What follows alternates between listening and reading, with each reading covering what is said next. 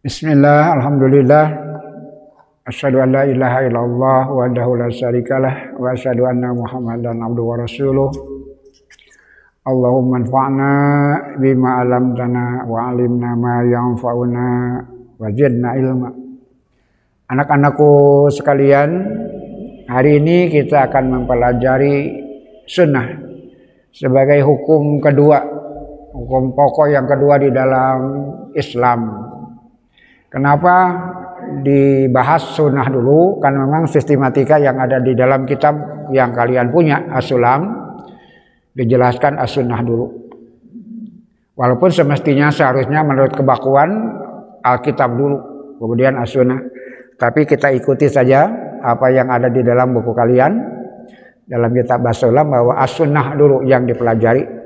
Kalian bisa lihat di halaman 48 dua paragraf dari bawah. Al-mabasu rabi'u asyara fis sunnati. Pembahasan ke-14 tentang sunnah. Sudah kalian lihat ada skema di depan. Fihi masailu. Dalam hal ini ada beberapa masalah. Seperti biasa sistematikanya seperti itu. Al masalatul ula, masalah pertama fihad diha tentang batasannya. Seringkali kita menyebutnya kaidah, sering kali kita menyebutnya ta'rif. Apakah sunnah itu? Yang pertama as-sunnatul lugotan, sunnah menurut bahasa at-tariqatul mu'tadatu jalan yang biasa. Sunnah arti asalnya jalan, seperti jalan raya. Tapi nanti ada jalan kehidupan, ada jalan pilihan. Maka sunnah adalah toriko, tapi al mu'tadah yang biasa, tidak yang aneh, tidak yang asing. Au atau atorikotul mahmudah, jalan yang terpuji. Cara hidup seseorang disebut sunnah, disebut toriko. Toriko artinya jalan, sunnah artinya jalan. Cuma kalau toriko bisa baik, bisa buruk. Tapi kalau sunnah tidak dipergunakan sunnah untuk kata-kata yang buruk. Tidak ada sunnah penjahat. Pilihan cara hidup koruptor, sunnah koruptor nggak ada. Sunnah hanya bermakna untuk kebaikan. Sunnah dengan toriko sama hanya sunnah digunakan untuk hal-hal yang terpuji saja. Sedangkan toriko digunakan untuk makna yang beragam. Itu menurut bahasa. Jadi sunnah itu artinya toriko jalan. Metoda itu sama. Wasilahan dan menurut istilah kaulun Nabi sallallahu alaihi wasallam ucapan Nabi Shallallahu Alaihi Wasallam wa fi'luhu dan perbuatannya wa takriruhu dan persetujuannya takrir pengakuan atau persetujuan. Maksudnya adalah amalan atau perbuatan sahabat yang diketahui Nabi dan Nabi izinkan. Itu namanya takririyah Sekali lagi, apakah sunnah itu? Sunnah adalah ucapan Nabi Shallallahu Alaihi Wasallam dan perbuatannya dan persetujuannya, takrirnya. Akibat dari takrif itu, dari batasan itu, maka sunnah terbagi tiga. Watan kosimu sunnatu ila salah sati aksamin maka sunnah terbagi kepada tiga seperti yang kalian lihat di papan tulis. Yang pertama sunnah kauliyah. Artinya sunnah yang berdasarkan ucapan Nabi Shallallahu Alaihi Wasallam. Kedua sunnah fi'liyah yang bersumber dari perbuatan Nabi Shallallahu Alaihi Wasallam. Yang ketiga sunnah takririyah Maksudnya adalah ucapan sahabat atau perbuatan sahabat yang Nabi izinkan dan biarkan Dalam pengertian Nabi menyetujui hal itu, maka dia sunnah juga, namanya sunnah takririyah. Ucapan sahabat atau perbuatan sahabat yang Nabi izinkan, Nabi setujui, maka disebutnya sunnah takririyah. Maka sunnah itu ada sunnah kauliyah, ada sunnah fi'liyah, ada sunnah takririyah. Di sini kita patut hati-hati. Kenapa? Antara sunnah kauliyah dan fi'liyah dan takririyah risikonya berbeda, implikasinya berbeda. Itu yang penting kita catat. Kalian catat. Implikasi dari kauliyah itu langsung melahirkan perintah. Nabi berkata, ikuti. Nabi melarang, ikuti langsung. Setiap ucapan Nabi itu melahirkan hukum. Dari jenisnya ada yang mutawatir, nanti akan kita terangkan mutawatiroh atau mutawatir, kemudian ada yang ahad.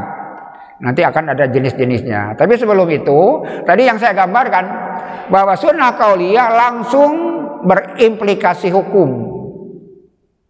Itu sebabnya nanti di bawah akan disebutkan bahwa sunnah itu seperti Quran. Dia bisa menghalalkan, dia bisa mengharamkan. Mana sunnah kauliyah langsung melahirkan hukum. Nabi bicara, hukumnya pasti salah satu. Kalau tidak wajib, dia mandum. Kalau tidak mandum, dia haram. Kalau tidak haram, dia makruh. Kalau dia makruh, dia tidak makruh, dia mubah. Setiap ucapan Nabi langsung berimplikasi hukum langsung berkaitan dengan perintah atau larangan yang akibatnya bisa jadi wajib, bisa jadi mandu, bisa jadi haram, bisa jadi makruh, bisa jadi mubah. Itu sebabnya para ulama menyimpulkan di akhir perjalanan tentang kesimpulan hukum ini agak berbeda dari yang kita pahami secara umum.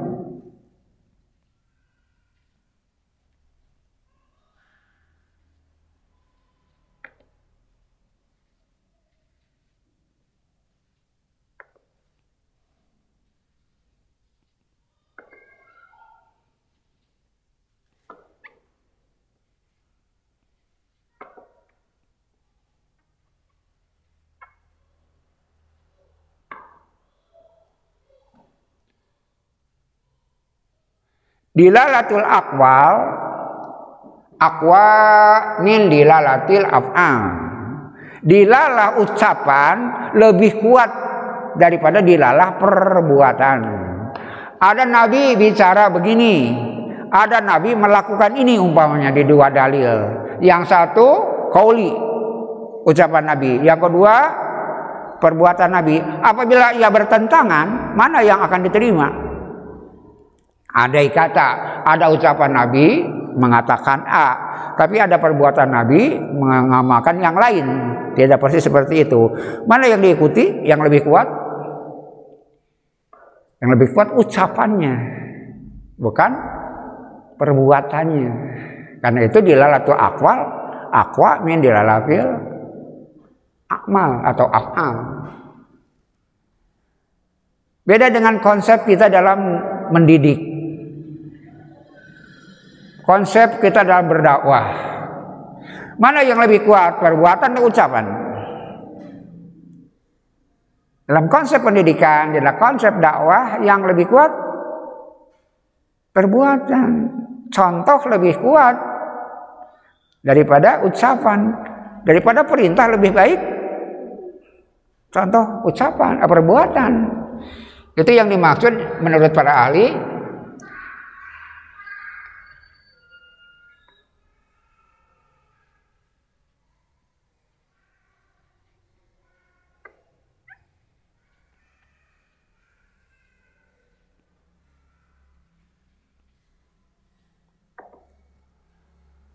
Berbeda konsepnya. Konsep pendidikan, konsep dakwah itu lisanul hal absohu min lisanil makol. Ungkapan perbuatan lebih kuat daripada ungkapan ucapan. Ungkapan perbuatan lebih kuat daripada ucapan ungkapan ucapan. Cek bahasa Sunda mati kene contoh tibatan panita ngomong.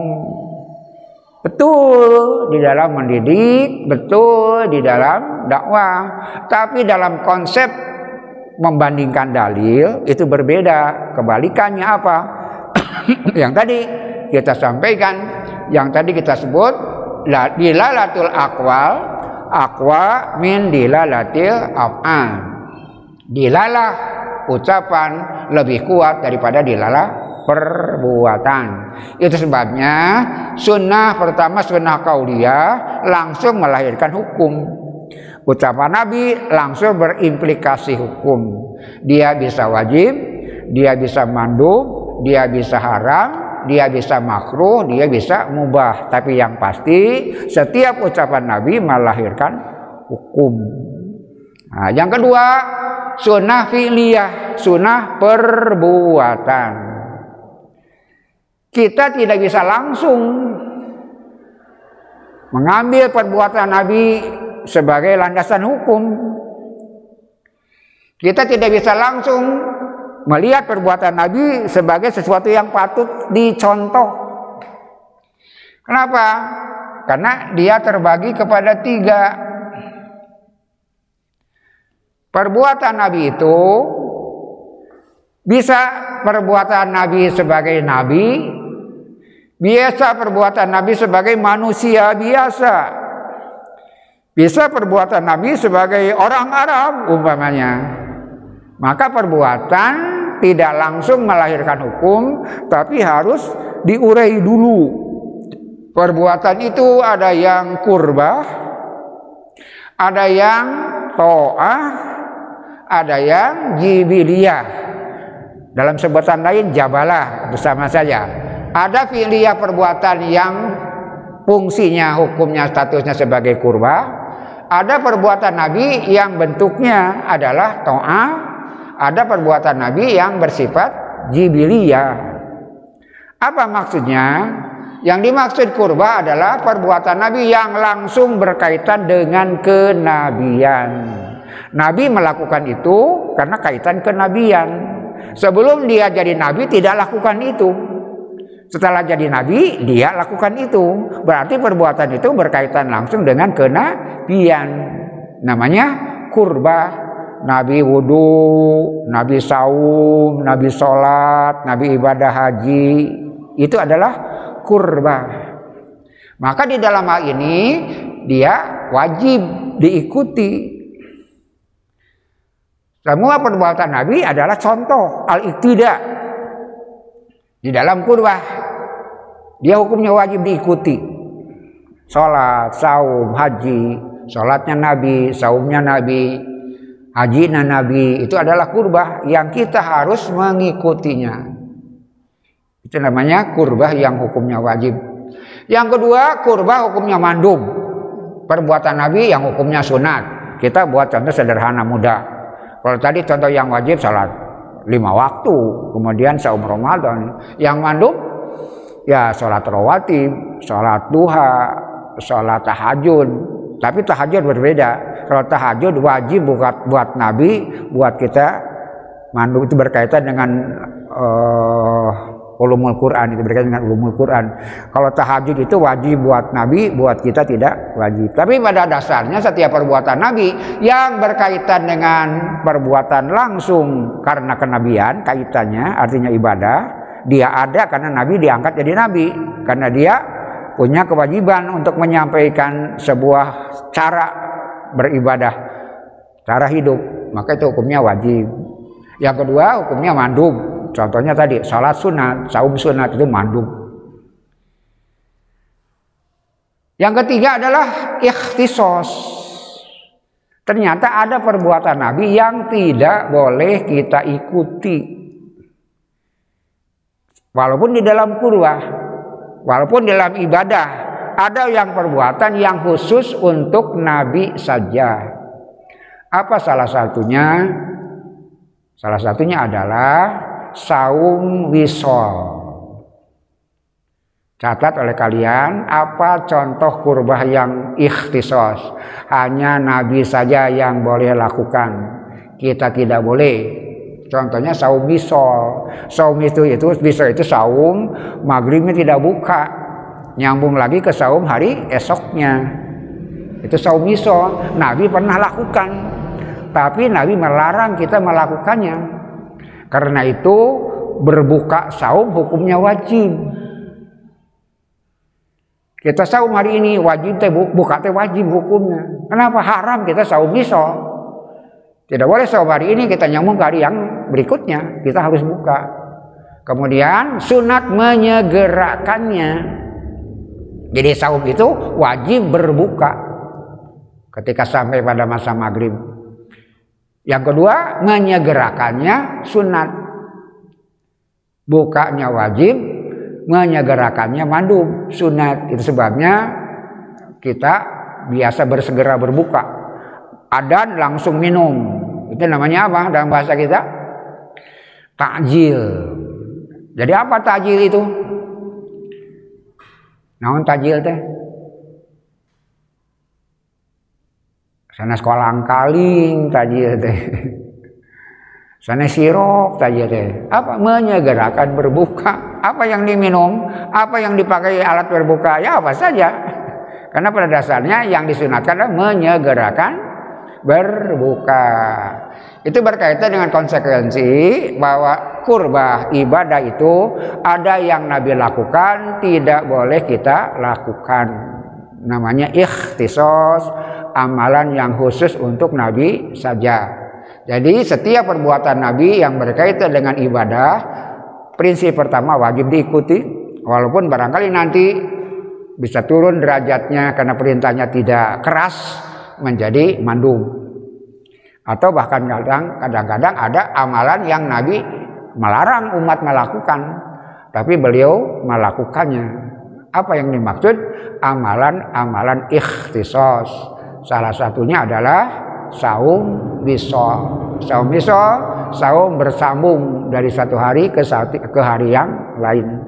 Buat Nabi boleh dan dia lakukan, tapi buat kita tidak boleh diikuti, haram diikuti. Itu jenis kurba. Kemudian sunnah yang kedua adalah sunnah piliyah yang statusnya adalah to'ah. To'ah artinya taat, apa ikutan. Maksudnya mengikuti syariat sebelumnya. Maka sering kali orang menyimpulkan, para ulama menyimpulkan itulah yang dimaksud ibadah goer mahdo. Muamalah. Itu kelompoknya kelompok to'ah. Apa maksudnya? Sebelum Nabi diutus sudah ada syariatnya. Kemudian datang Nabi diadop ibadah itu diadakan perubahan. Ada yang diterima, ada yang dikurangi, ada yang ditambahkan. Itu namanya to'ah. Jadi syariat Nabi yang sebelumnya Nabi lanjutkan. Itu namanya to'ah. Apa di antaranya? Umpamanya nikah. Sebelum Nabi diutus, orang sudah nikah. Dan sudah ada hukum-hukum nikah. Maka Nabi datang mengadop cara nikah itu sebagian, menggantinya sebagian, menghilangkannya sebagian maka hukum nikah itu termasuk to'ah. Itu sebabnya di dalam pernikahan ada unsur-unsur adat di sana. Ada unsur-unsur sebelumnya di sana. Karena pada dasarnya Nabi menyempurnakan yang sudah ada dan mengurangi menghilangkan hal-hal yang dilarang. Maka to'ah itu adalah amalan yang dilakukan Nabi sesuatu yang sudah disyariatkan oleh nabi-nabi sebelumnya dan kemudian beliau datang membawa syariat baru, maka syariat itu diadop sebagian, kadang-kadang dirubah, kadang-kadang dibuang, kadang-kadang disempurnakan. Itu adalah to'ah. Apa contohnya? Nikah, jual beli, sewa menyewa, pinjam, meminjam. Itu adalah to'ah. Di sana ada rambu-rambu, ada hukum. Dan hukum-hukum itu bukan benar-benar baru, sebelumnya sudah berjalan. Kemudian Nabi lanjutkan dan Nabi akui sebagai syariat.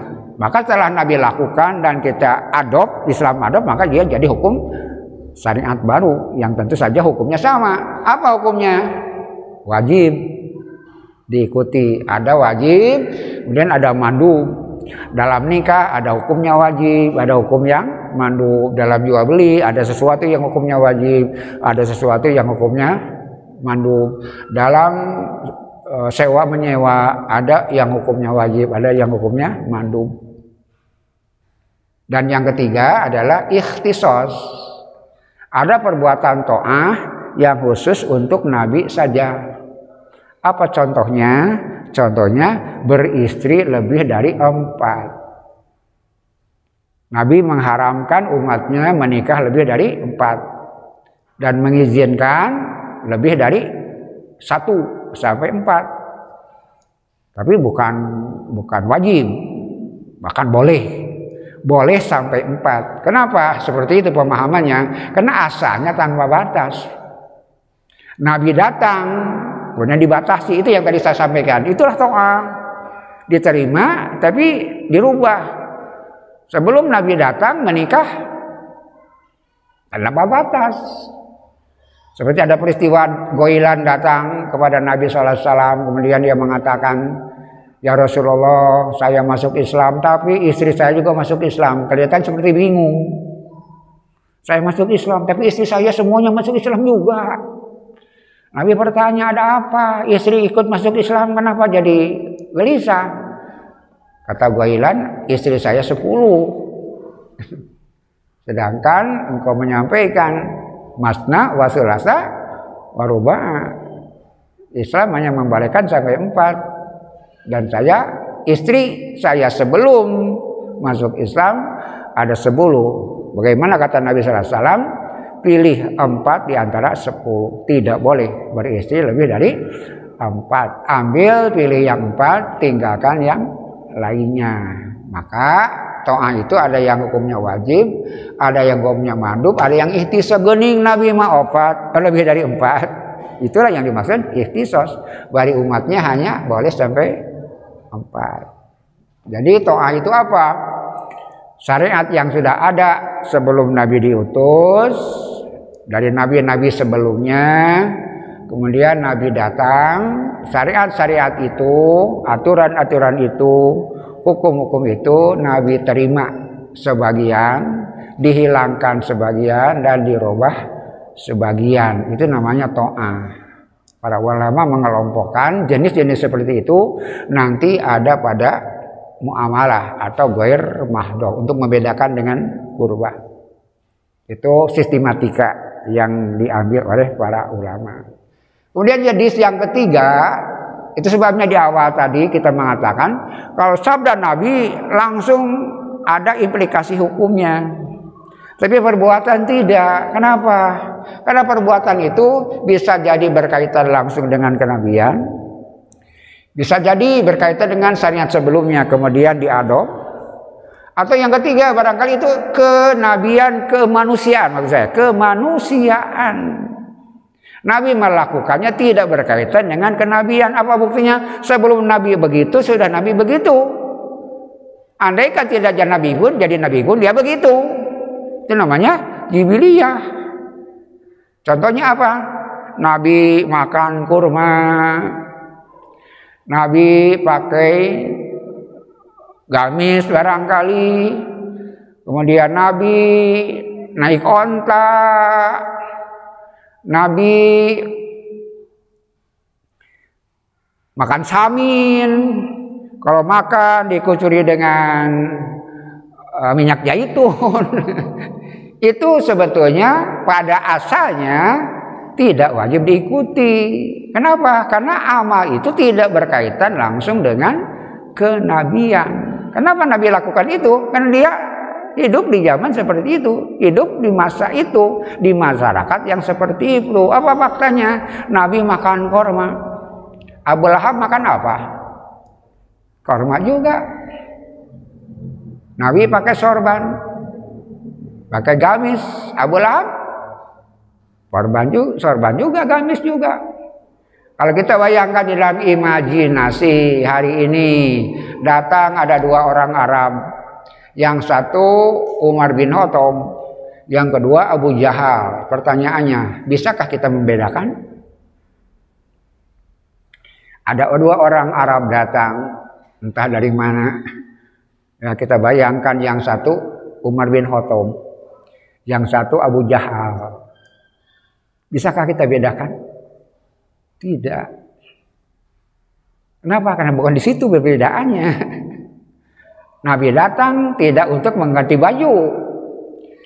Nabi datang tidak untuk mengganti pakaian jenis pakaiannya. Maka itu termasuk jibiliyah pada dasarnya kita tidak wajib mengikuti dalam pengertian itu tidak berkaitan dengan kenabian tapi berkaitan dengan kebangsaannya, kemanusiaannya. Maka disebut jibiliyah. Tapi kemudian dalam perkembangannya boleh jadi dan ada jibiliyah jadi hukum. Nah, karena itu di sini jibiliyah pada dasarnya goer wajib. Pada dasarnya asalnya goer wajib, tidak wajib asalnya. Tapi kemudian bisa jadi wajib. Sesuatu yang asalnya jibiliyah kemanusiaan jadi wajib. Salah satu sebabnya karena berubah perbuatan Nabi kemudian jadi perintah. Maka dia jadi wajib. Contoh yang paling mudah sederhana. Tapi maaf-maaf sedikit barangkali agak tidak biasa kita menyebutkannya apa? Omeh. Bebersih. Omeh. Hari yang bukan Islam omeh. Omeh juga. Sebelum datang Nabi orang Arab omeh. Omeh. Semua orang sebagai manusia dengan peradaban kita, dengan kemampuan akal kita, dengan kemampuan kita berpikir, tentu semua orang akan melakukan itu. Jadi omeh asalnya jibiliyah. Jibiliyah asalnya tidak wajib. Tapi dia berubah jadi wajib. Kenapa? Nabi bersabda. Karena zahu minal bauli. Fa'ina amata azabil kobri minhu.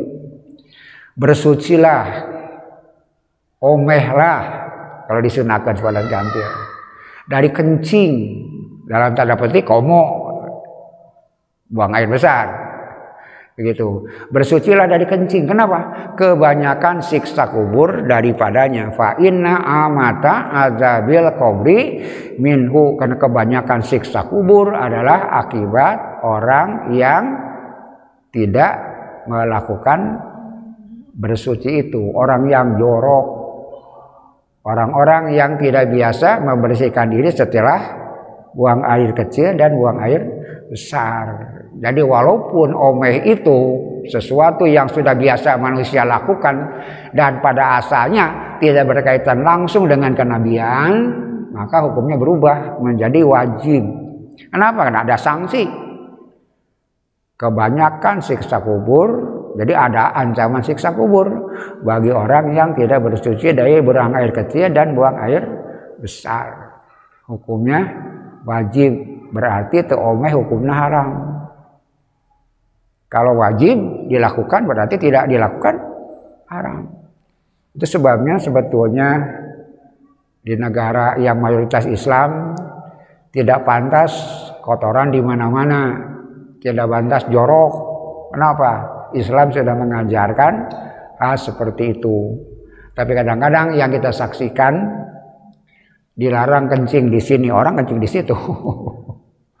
Itulah tidak memahami bahwa omeh dan bersih bersih itu adalah bagian dari iman. Sebabnya ulama mengatakan anak taufatu minal iman. Itu adalah jibiliyah asalnya, tapi berubah hukumnya jadi wajib. Jadi pada asalnya tidak wajib dibilia amalan-amalan yang dilakukan Muhammad Sallallahu Alaihi Wasallam yang beliau lakukan tidak langsung berkaitan dengan kenabian, namanya jibilia dan pada dasarnya tidak wajib pada asalnya, tapi kemudian bisa berubah menjadi wajib. Dan andaikan yang tidak wajib orang lakukan, nggak apa-apa, baik-baik saja. Kita tidak anti orang makan korma dan sejenis-jenis itu silakan saja tapi posisinya adalah cuma dalam tingkatan mencintai dan menyukai apa yang Nabi lakukan. Nabi sendiri membebaskan boleh lakukan boleh tidak, tapi bagus ketika orang dengan penuh semangat mengikuti apa yang Nabi lakukan itu boleh-boleh saja. Tapi posisi di dalam hukumnya berbeda. Yang saya maksud kita tidak usah anti kepada orang yang pakai pakaian Arab padahal bukan Arab nggak apa-apa boleh-boleh saja itu berkaitan dengan selera silahkan dan berkaitan dengan giro dengan semangat itu baik-baik saja. Cuma kita di dalam hal ini karena bicara tentang ilmu, maka berbicara tentang posisinya di dalam hukum. Kita tidak sedang mengatakan bahwa itu tidak baik, tidak, itu baik. Ketika orang mencontoh beliau pada semestinya hak itu tidak wajib, itu bagus, bagus saja. Kenapa ada kasus siapa? Ibnu Umar. Kalau Ibnu Umar itu ingin persis seperti Nabi, apa yang Nabi lakukan, dia lakukan. Dalam hal apa? Apa pun gitu. Itu kan boleh-boleh saja sebagai sebuah semangat mencintai Rasulullah Shallallahu Alaihi Wasallam. Sehingga suatu hari pernah Ibnu Umar pergi ke Mekah. Kemudian setelah selesai hujan, kemudian ada ruang di luar yang berair. Kemudian dia sholat di sana. Padahal ada tempat lain yang tidak ada airnya. Maka orang bertanya, kenapa engkau tidak pilih di tempat yang lain? Sedangkan engkau sholat di tempat yang berair seperti itu, kan tidak nyaman. Apa kata Ibnu Umar? Aku melakukan ini karena aku ingin melakukan apa yang Nabi lakukan dulu, gitu. Ketika Nabi masih hidup, beliau pernah sholat di sini dan aku ingin sholat di situ. Maksudnya, ketika Nabi memilih tempat, itu berkaitan dengan teknis. Itu barangkali pentingnya belajar usul fikih nanti memilah-milahnya. Nabi datang, kemudian beliau tidur di sana. Apakah benar mesti tidur di sana? Belum tentu. Barangkali itu secara teknis saja. Kalau itu dalam hadis tentang haji begitu. Nabi biasa turun dari atas, pulangnya dari bawah. Siti Aisyah mengatakan itu berkaitan dengan kemudahan transportasi. Kalau kita kita pergi ke Makkah tidak mesti tidur di sana, keluar lewat situ. Kenapa? Karena Nabi melakukan itu untuk kemudahan teknis, kemudahan perjalanan. Tapi andai kata mau, itu bagus-bagus saja. Dilihat dari semangat ingin mengikuti Rasulullah Shallallahu Alaihi Wasallam. Seperti Ibnu Umar yang kita sampaikan tadi. Kembali ke masalah, pada dasarnya jibiliyah itu tidak wajib. Kenapa? Karena Nabi lakukan bukan karena kenabian tapi sebagai manusia sebagai lingkungan hidupnya seperti itu. Dia tidak melakukan sesuatu yang berbeda dengan lingkungannya. Dia melakukan seperti apa yang ada dia tidak jadi asing di tempatnya sendiri. Itu yang perlu kita catat. Kita sebagai seorang pemuda muslim sebagai orang yang ingin menghidupkan sunnah maka jadilah bagian dari masyarakat yang jadi objek dakwah kita. Jangan jadi orang asing di lingkungannya sendiri. Itu sebabnya Nabi pakai sorban. Nabi makan kurma. Dan dalam hal itu dia ingin menggambarkan bahwa dia seperti mereka, tidak ada bedanya. Aku adalah manusia biasa dari sisi seperti itu. Seperti apa? Supaya komunikasi itu akan lebih mudah. Jadi hikmahnya seperti itu. Nabi tidak jadi orang asing di lingkungannya. Itu sebabnya apa yang dilakukan lingkungannya beliau lakukan. Nah itulah yang disebut jibiliyah. Sekali lagi pada dasarnya tidak wajib, tapi bisa jadi wajib. Contohnya bersuci dari buang air kecil atau buang air besar, omeh dalam bahasa Sunda. Kemudian bisa jadi mandub. Contohnya apa? Memakai baju kanan dulu, pakai sandal kanan dulu, pakai sepatu kanan dulu, menyisir rambut kanan dulu. Kenapa? Rasul senang mendahulukan yang kanan. Padahal orang Arab semua pakai sandal. Abu Jahal pakai sandal. Abu Jahal pakai baju. Orang Yahudi, orang kafir pun nyisir rambut. Kan pada itu ya. Tapi karena Nabi mencontohkan beliau mulai dari kanan. Nah, mulai dari kanannya itu, maka hukumnya jadi mandu. Maka Jibiliyah itu adalah perbuatan yang Nabi lakukan tidak berkaitan langsung dengan kenabian tapi didasari karena kebangsaannya, karena lingkungannya. Pada dasarnya amalan jibiliyah itu tidak wajib tapi dia bisa berubah jadi wajib dan kemudian bisa berubah jadi mandum. Dan terakhir sunnah itulah sunnah takririyah. Di sini disebut ada kau sahabi atau sahabah atau filus sahabah. Bisa berasal dari ucapan sahabat atau perbuatan sahabat. Kemudian Nabi membiarkannya. Berarti dengan adanya Nabi kemudian para sahabat melakukan sesuatu dan Nabi biar diam saja, itulah takrir Nabi, persetujuan Nabi atas perbuatan sahabat. Nanti akibatnya apa? Akibatnya adalah sunnah juga. Sunnah takri dia. Sahabat yang lakukan, tapi Nabi setuju. Maka seperti Nabi sendiri yang melakukan secara hukum. Para sahabat mengucapkan sesuatu, Nabi diam, maka hukumnya seperti ucapan Nabi sendiri. Para sahabat melakukan sesuatu dan Nabi diam, membiarkan, mengizinkan, hukumnya sama dengan perbuatan Nabi sendiri. Itu sebabnya hukumnya takririyah.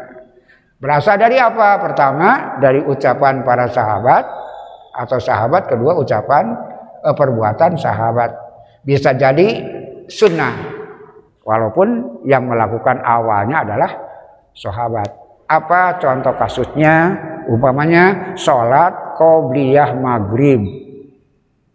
Sholat qobliyah maghrib itu sunnah takririyah. Karena awal yang melakukan adalah sahabat. Nabi membiarkan tidak menyuruh dan tidak melarang. Ketika ada sahabat sebelum sholat maghrib, dia sholat sunat dua rakaat. Tapi hukumnya beda, namanya sunat takririyah, tidak sunat muakkad. Tidak ada sunat muakkad, ada sunat goer muakkad atau goer muakkadah. Contohnya sholat rawatib itu sholat sunat muakkad.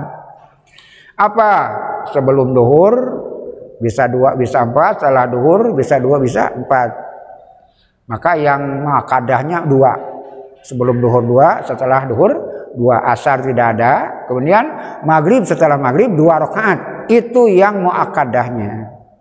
Bagaimana sebelum maghribnya? Itu sunnah juga. Tapi sunnah goer muakad karena bersumber dari perbuatan sahabat yang Nabi biarkan dan Nabi izinkan. Itu namanya sunnah goer muakad berasal dari perbuatan sahabat yang diizinkan Nabi Shallallahu Alaihi Wasallam. Sedangkan sebelum subuh itu muakadah tidak boleh ditinggalkan. Tapi tentang sebelum sebelum maghrib mau lakukan silahkan, tidak mau lakukan juga silahkan. Tapi yang lainnya yang sebelum duhur, sesudah duhur, sesudah maghrib, sesudah isya dan sebelum subuh itu sunat muakkadah tidak boleh ditinggalkan kalau tidak ada halangan. Itu namanya sunnah muakkadah dan sebelum maghrib contoh sunnah takririyah karena yang melakukannya adalah Nabi eh, sahabat Rasulullah SAW bukan Nabi sendiri tapi Nabi membiarkannya. Tentu kalian bisa ambil contoh yang lain apa? sholat tuhur umpamanya. Setelah tiap wudhu beliau baru uh, setelah sebelum sholat, setelah wudhu dia sholat. Setelah wudhu sholat sunat, setelah wudhu sholat sunat. Siapa yang melakukan? Itu adalah Bilal, bukan Muhammad Shallallahu Alaihi Wasallam. Tapi Nabi mengizinkan Bilal melakukan sholat itu. Sukrul wudhu dalam kata lain itu termaksud sunnah takdiriyah. Kemudian pembagian takdiriyah yang berikutnya adalah ada fi majlisihi, ada goer majlisihi. Apa maksudnya fi majlisihi? Langsung di hadapan Nabi. Itu namanya fi majlisihi.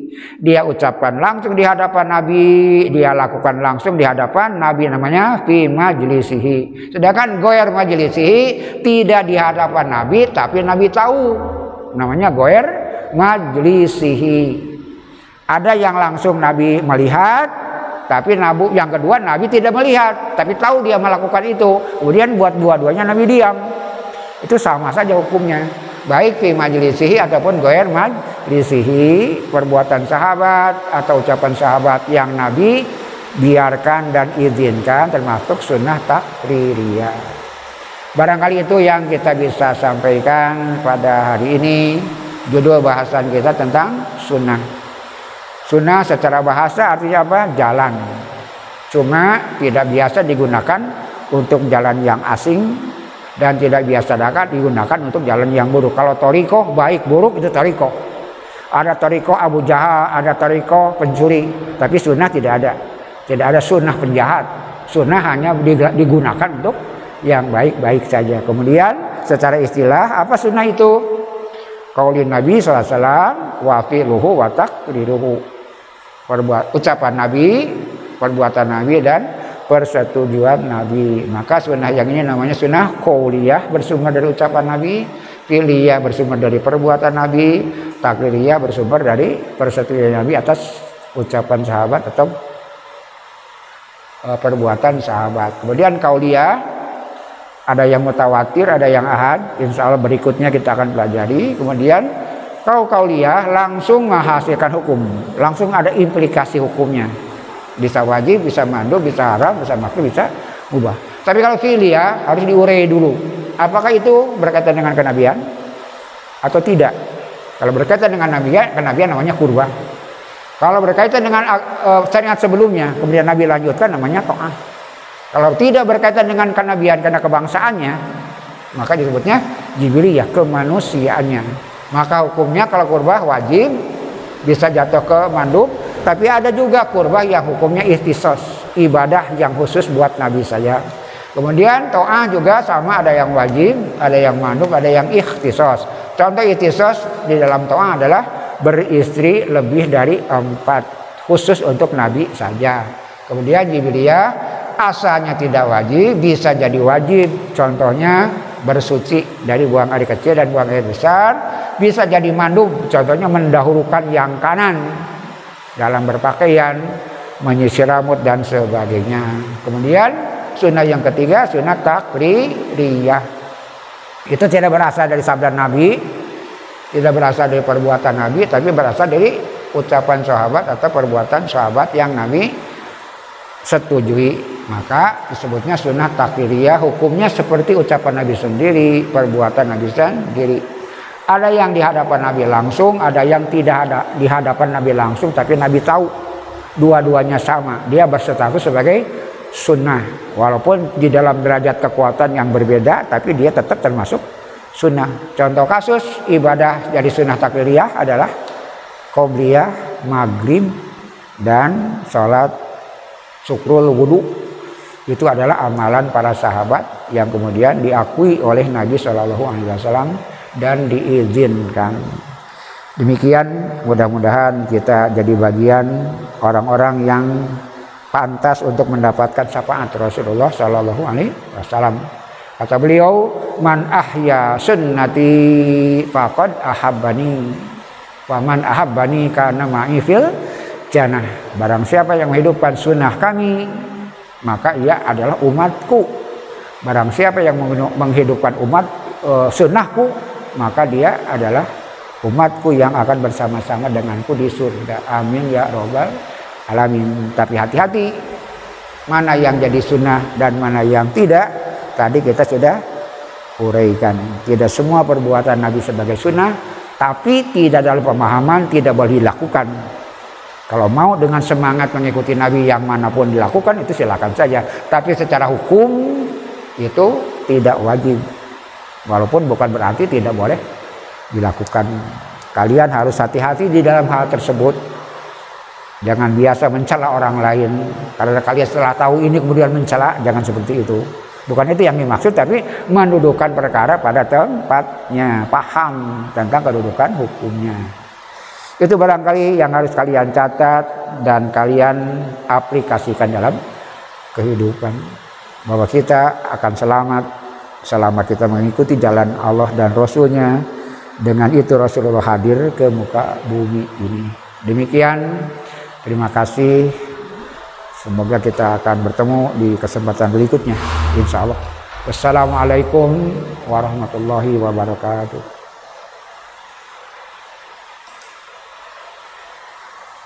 Hujan